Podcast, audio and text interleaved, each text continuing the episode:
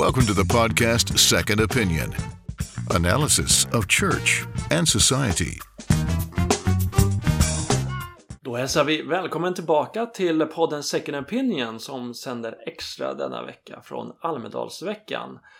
Och eh, Almedalsveckan håller just på att ta slut. Vi har haft en hel del seminarier i här i Visby och eh, vi tänkte att vi, vi skulle göra lite trendspaning och eh, Stefan Gustafsson eh, och jag, Jakob Rudolfsson, har ju har diskuterat eh, en del vad som är kanske de eh, mest samtals, största samtalsämnena under den här veckan. Ja, Sverige har stått i fokus. Folk har ju räknat hur många gånger Stefan Löfven, statsministern i sitt tal, nämnde Sverige 42 gånger om jag minns rätt. Ebba Busch Thor talade med en fantastisk vacker bild av svenska flaggan i, i bakgrunden. Så det svenska har stått i fokus på ett sätt som inte riktigt eh, har varit vanligt. Eh. Tidigare har ju varit eh, mest Sverigedemokraterna som har varit de som har lyft upp eh, Sverige, nationen och nationalismen och, och så. Eh, och nu verkar de övriga partierna tala mer om, om Sverige och om svenska värderingar. Men man har inte alltid definierat vad det just eh, är de här de svenska värderingarna. Eh, man kan ju Nej. nästan lätt tro, tro att det är något, eh, något etniskt, något eh, nationellt projekt, nästan nationalistiskt. Eller hur Stefan? Ja, det, jag, jag tycker det, det, det, här är vår trendspaning och det, det är intressant. Jag, för att vara ett litet land så tror jag att eh, vi har kännetecknats tidigare av eh, ganska tydligt eh, internationellt perspektiv. Vi har ju haft i förhållande till vår, till vår storlek då politiker som har lyckats slå igenom lite mer internationellt som Olof Palme. Eh, och därför så har det varit vanligt att, eh, att ha fokus på ett ganska stort eh, globalt perspektiv. Men det har ju också gjort att vi under lång tid har vi har haft den här diskussionen att, att vi inte är stolta över vårt land, att vi inte kan lyfta fram det svenska och Sverigedemokraterna har ju kunnat surfa på det. Mm. Och jag tror många har liksom kunnat känna att det där är faktiskt en, en poäng. Och det vi kunde konstatera nu är ju då att nu talar nästan alla partier från alla möjliga håll så vill man lyfta fram eh, det svenska. Man har ju väldigt sällan talat om just vad svenska värderingar går ut på. Ehm, och det är ganska så intressant när man, när man, när man talar om det. Eh, Ebba Busch Thor fick ju väldigt många frågor i efter, efterföljande snacket i Opinion Live i SVT om vad eh, svenska värderingar handlar om. Att det är tillit, att det är tolerans, att eh, man gör rätt för sig. Men de här sakerna är ju, de, de här egenskaperna är ju inte någonting som direkt sitter i en människas DNA bara för att man kommer från ett visst land eller att man tillhör en viss etnisk grupp utan det måste ju komma från ett, ett djupare idégods. Ja, här är det ju så uppenbart att, eh, att man vill inte röra vid den svenska historien. Eh, och, faktum är ju att vi har haft tusen år av kristen tro i vårt land. Och eh, det har gett oss många av de här goda värderingarna, synen, eh, synen på människan, på individen, på ansvaret, på, på man och kvinna, barnen, på utbildning, på sjukvård. Alltså här finns en mängd trådar som går tillbaka till det, det kristna idéarvet. Så därför är de här det som är det bästa med, med Sverige, det är så att säga inte det svenska utan det är snarare sånt som har rötter i det kristna som har kommit hit från andra länder ju. Mm. Eh, och så, som har sin, sin startpunkt i Jesus från Nasaret och sen apostlarnas förkunnelse. Och eh, det hade varit eh, på sin plats att det också lyftes fram. Mm, vi får ju se hur, eh, hur, hur, det här kommer att lyfta fram, om det kommer lyfta fram framöver i Almedalsveckan. Men eh, en tendens är att man väldigt sällan talar om vad som ligger, eh, vad som ligger bakom de här eh, tankarna om, om, om just eh, gemensamma värderingar. Ja, här, här har vi ju en, en uppgift som kristna att eh, lyfta de här frågorna och, och visa hur, eh, hur olika idéer hänger samman. Vad som är grunden för människovärde till exempel.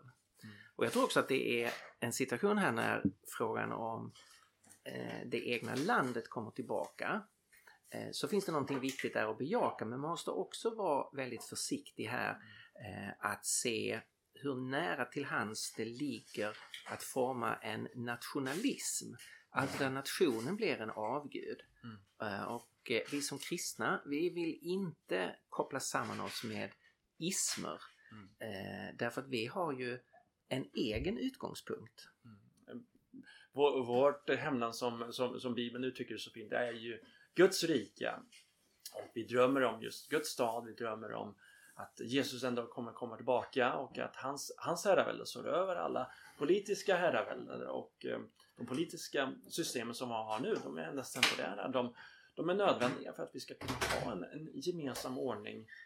Eh, men eh, utgångspunkten som du säger för oss kristna är inte nationen eller eh, en, eh, partiet eller eh, e, den e, egna etniska gruppen. Man kan säga att det är, någon, det, det är någonting att bejaka, att man har ett hemland, man har en hembygd och alla kristna eh, till exempel eh, nu under fotbolls-EM, många kristna har ju hållit på Sverige och det finns någonting att bejaka där men att låta staten gå upp och bli till, som du säger, en, en avgud är ju någonting väldigt problematiskt. Så här, eh, här finns en dubbelhet. Gud har uppenbarligen skapat oss på det sättet att vi naturligt får en kärlek till vår hembygd, vår hemort, vår, vår nära gemenskap och det ska man ju inte vara rädd för. Och därför så finns det någonting naturligt i att bejaka sin egen nation Mm. och, och eh, känna glädje över den identitet och den historia och kultur som har, har byggts upp och det ska man inte, eh, behöver man inte tona ner. Men det behöver sättas in i ett sammanhang där eh, Guds rike Mm.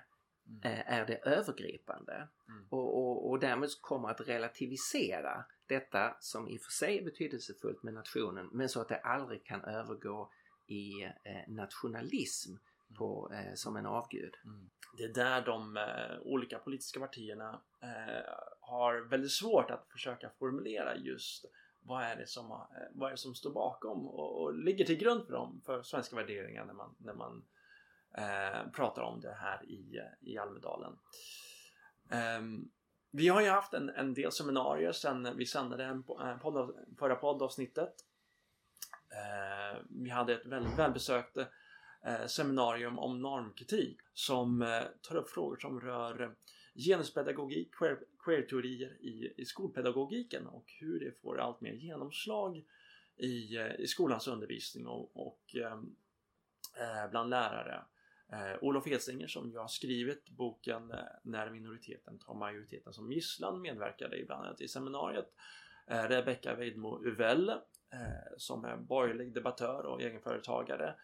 Skolledarförbundets eh, andre vice ordförande eh, var med och eh, även den skolpolitiska talespersonen från Feministiskt initiativ. Och på många sätt kan man säga att det var både en, en dålig debatt men också en bra debatt. Förvisso var det ganska så många, var det nästan fullsatt som var där, fullsatt i eh, lokalen men eh, på ett sätt så var det ganska så illustrerande med att hur människor, in, hur eh, representanter för Feministiskt initiativ inte riktigt förstod frågan. Nej, Olof, eh, eh Olof har gjort ett väldigt grundligt arbete och, och eh, eh, om, om du inte har läst hans rapport eh, när minoriteten tar majoriteten som gisslan så vill jag verkligen rekommendera den. Olof är väldigt inläst på, eh, på queer-tänkandet, på normkritik och på hur det lite under ytan, alltså åtminstone utan mycket offentlig debatt har förts in i en mängd dokument som rör eh, förskola och skola och eh, utbildning. Och Olof gjorde ett, ett eh, jättebra jobb med att presentera det och visa det. Det som då blev märkligt men som också är liksom väldigt illustrerande det är att eh, eh, de som är för normkritiken och eh, queer-teori och så inte ville kännas vid det och bara eh, ignorerade frågeställningarna. Inte tog tag i dem, inte ville, inte kunde, absolut inte kunde motbevisa eh, Olof, men bara släppte dem. Eh, Eh, och det är klart att det var frustrerande både för Olof och för oss i publiken och samtidigt så visar det det märkliga som sker här att man, man håller på att eh, liksom, det håller på att ske ett paradigmskifte i hur man, hur man lär unga människor tänka om manligt och kvinnligt och, och sexualitet. Men man vill inte kännas vid det som man håller på att göra. Mm. Ett av de argumenten som kom från, från den här sidan det var att eh, vi kan inte vara emot mångfald. Och då blir det så att eh, Olof och den andra sidan inte står för, för mångfald. Man målar upp den, den bilden. Och det verkar att det är väldigt illustrerande att man, att man ser eh, queer-teorier som det enda sättet att, att föra fram en, en, en pedagogik som står för sann mångfald i, mm. i den svenska skolan. Vi kommer ju lägga ut eh, seminarierna på nätet så titta gärna på, på vår hemsida och, eh, och, och lyssna på, på den här debatten. Det var ju intressant att eh, eh Uvell, som ju inte delar Olofs kristna utgångspunkter, hon var fullt medveten om, om den här sidan och, och stöttade ju Olof mm. i hans resonemang och hon kunde, kunde se problematiken. Mm. Men så det är en, det är en, det är en intressant och, och belysande debatt. Mm. En annan debatt som just berör frågor som rör människovärde som är någonting som också har talats väldigt mycket om eh, här under Almedalsveckan men som i det här uttryckssättet inte debatterades så mycket under den här Almedalsveckan rör ju frågan om dödshjälp. Och eh, det var ett seminarium som G som är Gud eh, arrangerade där, där du Stefan medverkade. Just det, vi kommer precis från, från debatten om aktiv dödshjälp som var en väldigt innehållsrik eh, eh debatt eller samtal. Eh, väldigt hög kvalitet på resonemangen och här kan man säga att eh, att, att det skedde en, en, en verklig argumentering från de båda sidorna. Så det fanns en representant för rätten för en värdig död och det fanns en politiker Eh, representanten för eh, rätten till en värdig död, död heter Stellan Velin, professor emeritus från Linköping. Johan Hultberg som är riksdagsledamot för, Moderaterna, han är också aktiv förespråkare för, för då aktiv dödshjälp. Så var Emma Henriksson där från Kristdemokraterna, hon säger ju nej. Och så var Elin Karlsson som är läkare och är läkar, eh, sitter i Läkarförbundets etiska råd. Eh, hon var där. Mm. Och så eh, var jag där från Evangeliska Alliansen. Och det blev, en, det blev en, en intressant debatt med både de principiella frågorna om människovärdet och de mer pragmatiska frågorna. Vad innebär det här på sikt om man öppnar mm. dörren mm. med, med aktiv dödshjälp? Mm. En av de frågorna som, eller aspekterna som just Emma Henriksson lyfte in var just de ekonomiska frågorna och där kan man ju se att, att um, det, lägger man in ett ekonomiskt incitament för läkare, för eh, sjukvården att ehm, eh, inte behöva vårda människor så pass så länge när de ligger inför döden så bygger man in en, en risk eh, att, eh, att man uppmuntrar patienter att eh, korta ner sitt liv eller korta ner lidandet på det här sättet. Det finns väldigt många eh, pragmatiska aspekter här. Det blir ett sluttande plan. Man kan se det från eh, Nederländerna till exempel som har infört det. Där det från början fanns mer strikta kriterier och det var en be mer begränsad grupp som fick tillgång till aktiv dödshjälp. Och gradvis har kriterierna ändrats och omfattar idag många, många fler personer, inte bara inte bara döende personer i livets slutskede utan också andra grupper. Inte bara svårt eh, fysiskt lidande utan också psykiskt lidande med, med depression. Inte bara äldre personer utan, eh, utan också andra ålderskategorier. Så att eh, här ställer man en dörr på glänt och efter ett tag så har dörren öppnats på, på vid gavel. Det som också var väldigt talande när det gäller eh, Johan Hultberg från, från Moderaterna är att eh, man, man tycks utgå från en väldigt individualistisk människosyn att det är jag och mig och mitt, mitt liv mm. och jag äger mitt liv. Då, då kortsluter man ju den här tanken att att eh, man har inte haft kontroll på när man kommer in i livet och mm. varför eh, vad, hur, hur, ser man då på livets avslut? Mm. Jag tycker att man, eh, man eh, felanvänder människovärdsprincipen. Johan argumenterade för att eh, utifrån principen eh, rätt till liv. Och då innebär eh, min rätt till mitt liv också min rätt att få hjälp att avsluta det. Men då, då har man ju vänt den principen eh, ut och in. Eh, rätten till liv, det är ju att jag, eh, jag har rätt att få ha mitt liv och, och, att det ska skyddas av andra personer för att inte skada eller ta mitt liv. Och den tankegången bygger på människovärdesprincipen att mänskligt liv är viktigt och värdefullt. Och därför ska mänskligt liv skyddas. Mm. Och då kan man ju inte ta den principen, rätten till liv, alltså rätten att människor eh, att mitt liv ska skyddas från att skadas eller dödas och vända den principen ut och in och säga att den ger mig rätten att få hjälp att bli dödad. Mm. Och sen får man ju fråga sig om nu Sverige skulle införa en döds, äh, dödshjälpslag vilka ska då medverka till det? När vi hörde från eh, Elin Karlsson, läkare från Läkarförbundets etiska råd, så hör, var ju hon ju klar och tydlig med att, eh, att vi läkare, vi kommer göra allt vi kan för att inte medverka i detta. Och mm. om nu man säger att, eh, att de läkarna som, eh, som då eh, ska arbeta med den palliativa vården, om man sorterar bort de läkarna som är emot dödshjälp och kanske bara anställer de, eh, de läkarna som, som är för dödshjälp, då blir det ju en, ett sluttande plan även där. Mm, för mm. att om, om, och det var också någonting som många diskuterade frågan om samvetsfrihet. När man införde rätten till att kunna, ja, kunna inte behöva medverka med vid aborter. Då skrev man ju förarbetena att de som är etiska eller religiösa uppfattningar inte vill medverka till aborter ska kunna slippa. Men sen tog man ju bort det. Mm. Eh, historiskt sett har vi ju nu se, kan, kan vi nu dra slutsatsen att skulle man införa samvetsfrihet i förarbetena till ett eh, eventuell dödslag, eh, dödshjälpslag så, så är det ju inte så mycket värt. Nej, vi har, vi har ju dåliga, dåliga erfarenheter av, eh, av det. Och i, bakom alltihopa så här så finns ju eh, människovärdesfrågorna så man kan se många Eh, pragmatiska invändningar mot och de i sig är väldigt starka men den yttersta eh, argumentet mot eh, aktiv dödshjälp det är själva människovärdesprincipen som ju säger att vi värderar inte mänskligt liv oberoende av din, din färg, din ålder, din intelligens, din funktionsduglighet, din intelligens, din skönhet, om du kan bidra eller om du är beroende. Oavsett vem du är och oavsett din situation så har du ett, ett värde och det ligger där fast och det är ingen som värderar. Som, det finns ingen skala här. Mm, mm. Utan du är människa och därför, eh, därför är du eh, värdefull.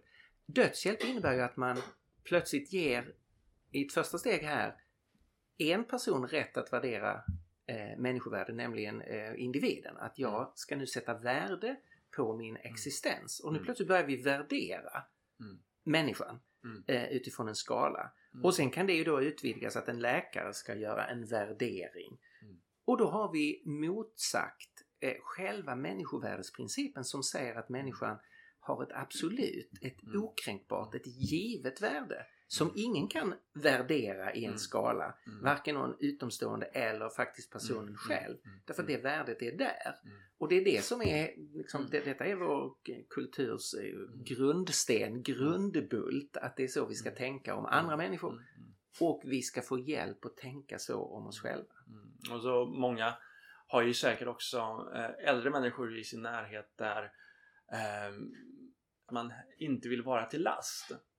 Och om nu man börjar introducera eh, dödshjälp och säga här finns en utväg. Om mm. du inte vill vara mm. till last då, då graderar man ner människovärdet även där på ett eh, implicit sätt. Mm. Emma Henriksson tog upp ett intressant exempel. Hon hade hört någon, någon ställa frågan ja men de som förespråkar aktiv dödshjälp varför säger man att det är läkarna som ska eh, utföra den? Eh, kan vi inte låta läkarnas uppgift eh, vara att lindra och läka och bota och trösta det som eh, är läkarnas uppdrag? Mm. Skulle vi inte kunna ge uppdraget till militären? Mm. och det är klart det, att det, det, ger hela frågan en, en väldigt annorlunda, mm. Mm. Eh, liksom, det, mm. hela känslan. Mm. Okej, okay, militären de, de, får ju om, om inget annat om det inte finns något annat sätt att skydda landet så får de ju också utsläcka, eh, utsläcka en, en anfallande armés eh, livet på deras soldater. Så varför skulle inte armén, militären, kunna vara den som genomför aktiv dödshjälp? Och då, då får man lite kon, liksom kontrasten här. Vi, vi måste värna eh, läkarrollen. För att det där bygger man ju också in en, en, en brist på tillit när det gäller läkare. För att man bygger in en spänning. Ska läkaren eh, lindra, trösta, eh, bota. Mm. Eh, eller ska också läkaren kunna ta ens liv. Mm. Bygger ju in en, en eh, väldigt stor eh, oro när det Mm. gäller just läkaretiken. Jo, så det är, den här frågan måste vi tala mer om. Vi måste, eh, vi måste hjälpas åt att, att opinionsbilda, att, Mm, att lyfta mm. frågan, visa på, på argumenten här. Mm. Därför att i, i förlängningen här finns det ett, ett oerhört starkt ekonomiskt argument Mm. och, och alla som har följt samhällsutveckling vet att ekonomiska argument Mm. väger oerhört tungt. Mm. Så ehm, jag menar det, det finns ju eh, människor sitter och lägger budgetar för, för sjukhus. De räknar eh, pass, per patientsäng och per Mm. patientnatt. Och det är klart varje, eh, varje minskning där av antalet nätter per patient Mm. för Mm. sjukhus gör stor skillnad ekonomiskt. Mm. Så det är klart att om man öppnar den här dörren så finns det, finns det mycket stora ekonomiska incitament att eh, få människor att vilja avsluta sitt liv.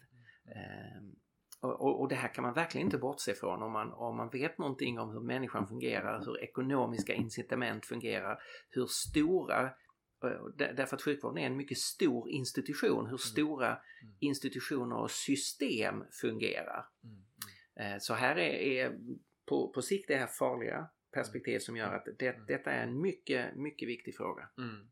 Och inte minst vi som är kristna och har en kristen eh, syn på människovärdet eh, behöver samla oss, behöver eh, opinionsbilda i den här frågan. Och vi kommer återkomma till just frågan om dödshjälp senare i, i Svenska Evangeliska Alliansens arbete. Och ehm, det vi kan nämna som ett, ett, ett särskilt program för att hjälpa eh, unga kristna till att lära sig frågor som rör, rör opinionsbildning, som rör att vara en, en kristen röst i, i, det, i det offentliga är just Wilberforce-akademin. Och, Mm. eh, och då det här är eh, det sista poddavsnittet innan vi, vi tar sommarledigt från, från, från, från kansliet så, eh, så vill vi verkligen uppmuntra alla som är intresserade av de här frågorna att, att söka till Wilberforce-akademin.